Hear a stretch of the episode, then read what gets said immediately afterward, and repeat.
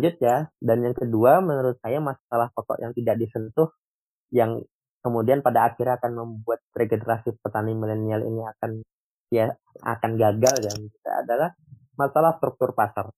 Kita bicara struktur pasar produk pertanian kita itu kalau kita analogikan itu adalah liberal seliberal liberal. Artinya apa? Untuk mayoritas produk pertanian kita itu yang menentukan harga pasar itu adalah menentukan harga adalah mekanisme mekanisme pasar pure. Jadi petani dibiarkan adu banteng. Petani kecil yang cuma punya 1000-2000 meter tadi dibiarkan adu banteng sama mekanisme pasar. Nah, mekanisme pasar itu sederhana aja. Ada supply, ada supply tinggi, demand turun, harga anjlok, nggak ada proteksi sama sekali, tidak ada regulasi, tidak ada pengaturan, tidak ada perencanaan. Nanam nanamnya misalnya contohnya cabai ya. Pada apa pada musim hujan harga naik.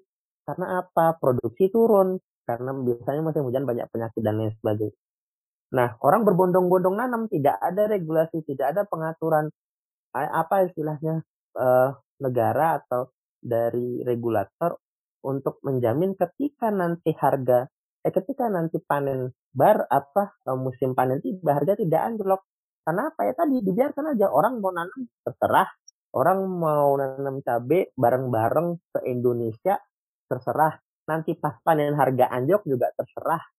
Pokoknya yang penting apa istilahnya suka suka petani lah gitu. Nah yang seperti ini tidak pernah tidak pernah dibahas secara komprehensif. Nggak usah jauh-jauh lah.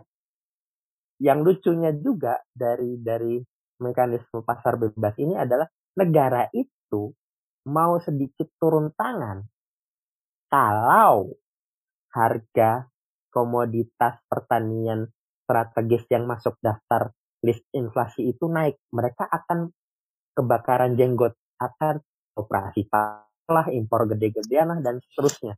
Tapi kalau harga turun, it's not my business. Ya, istilahnya YOLO. Eh, YOLO apa?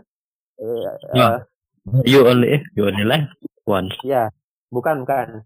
Uh, it's your own business, not mine. Nah, kayak gitu. Jadi, itu urusan lu, bukan urusan gue. Kalau pas harga hancur. Tapi kalau pas harga harga tinggi, pemerintah kebakaran jenggot. Petani dijadikan bumper.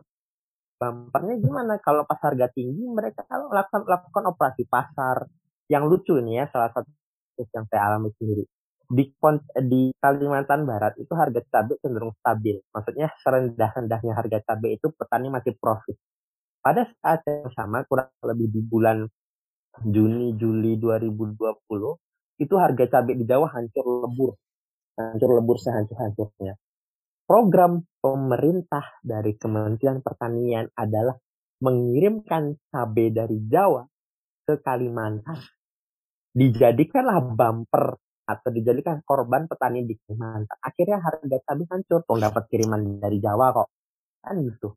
Itu kan mengorbankan mengorbankan apa? Mengorbankan petani di luar Jawa, nah, menghancurkan harga di sana. Nah itulah yang saya bilang intervensi negara itu ada ketika harga naik. Di mana ketika, ketika harga naik itu petani ya dapat istilahnya bonus lah, sedikit bonus lah. Tapi ketika harga turun, ya itu urusan lu, urusan lu nanam bareng-bareng cabai kan gitu. Jelas kasarnya, ya lu, lu gue gue. Tapi negara merasa perlu untuk turun tangan ketika harga tinggi. Karena apa? Kalau harga tinggi nanti reputasi politik mereka akan turun karena nggak bisa mengendalikan harga dengan apa istilahnya mereka menganggap bahwasanya kalau harga tinggi nanti masyarakat kesulitan membeli dan lain sebagainya inflasi akan tinggi Nah, kalau mau fair, kalau mau fair sebenarnya nggak masalah kalau misalnya intervensi ketika harga tinggi. Tapi ya juga ketika harga rendah intervensi dong, dibantu dong gimana caranya. Jangan kemudian cuma enak-enaknya gitu aja ketika harga apa istilahnya mau intervensi ketika merugikan kepentingan politik mereka tapi ketika kepentingan politik mereka tidak dirugikan mereka lepas tangan kan gitu gitu tuh jadi orang mau bilang cari market cari apa istilahnya dibantu pemasaran, dibantu apa istilahnya bahkan ekspor dan lain sebagainya. Itu pertanyaan saya adalah dengan kepemilikan lahan terbatas, dengan apa istilahnya uh, apa sih regulasi yang minim dengan tata niaga yang minim, tata produksi yang amburadul, maksud saya amburadul itu tidak ada pengaturan, tidak ada koordinasi masalah kapan nanam cabai, kapan nanam bawang sehingga ketika panen itu tidak panen raya harga anjlok itu mau gimana petani bisa berkembang udahlah hanya dikit begitu panen harga hancur katakanlah kita cari pasar alternatif lah misalnya pasar organik seberapa besar sih pasar sayaan komunitas pertanian atau ekspor ekspor itu harus kuota kuota itu harus apa istilahnya eh, lahannya harus luas Benar. harus harus harus punya punya apa istilahnya standar Luas. mutu standar mutu yang kalau kita bicara petani-petani yang ada jelas kurang mampu.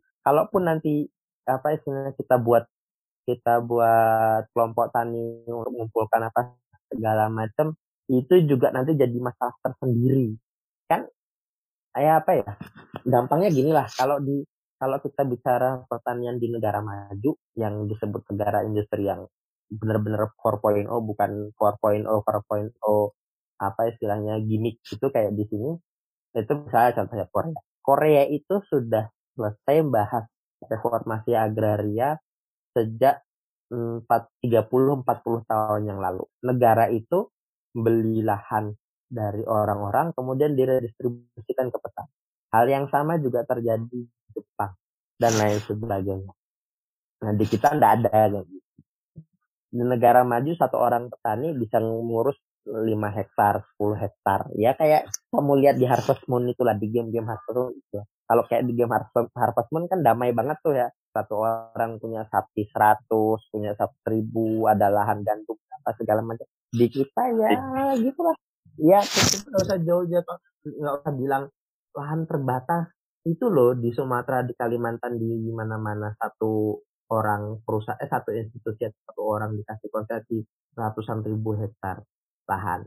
Kalau kita bisa terbatas, terbatas apanya itu banyak kok, cuma distribusinya yang tidak merata.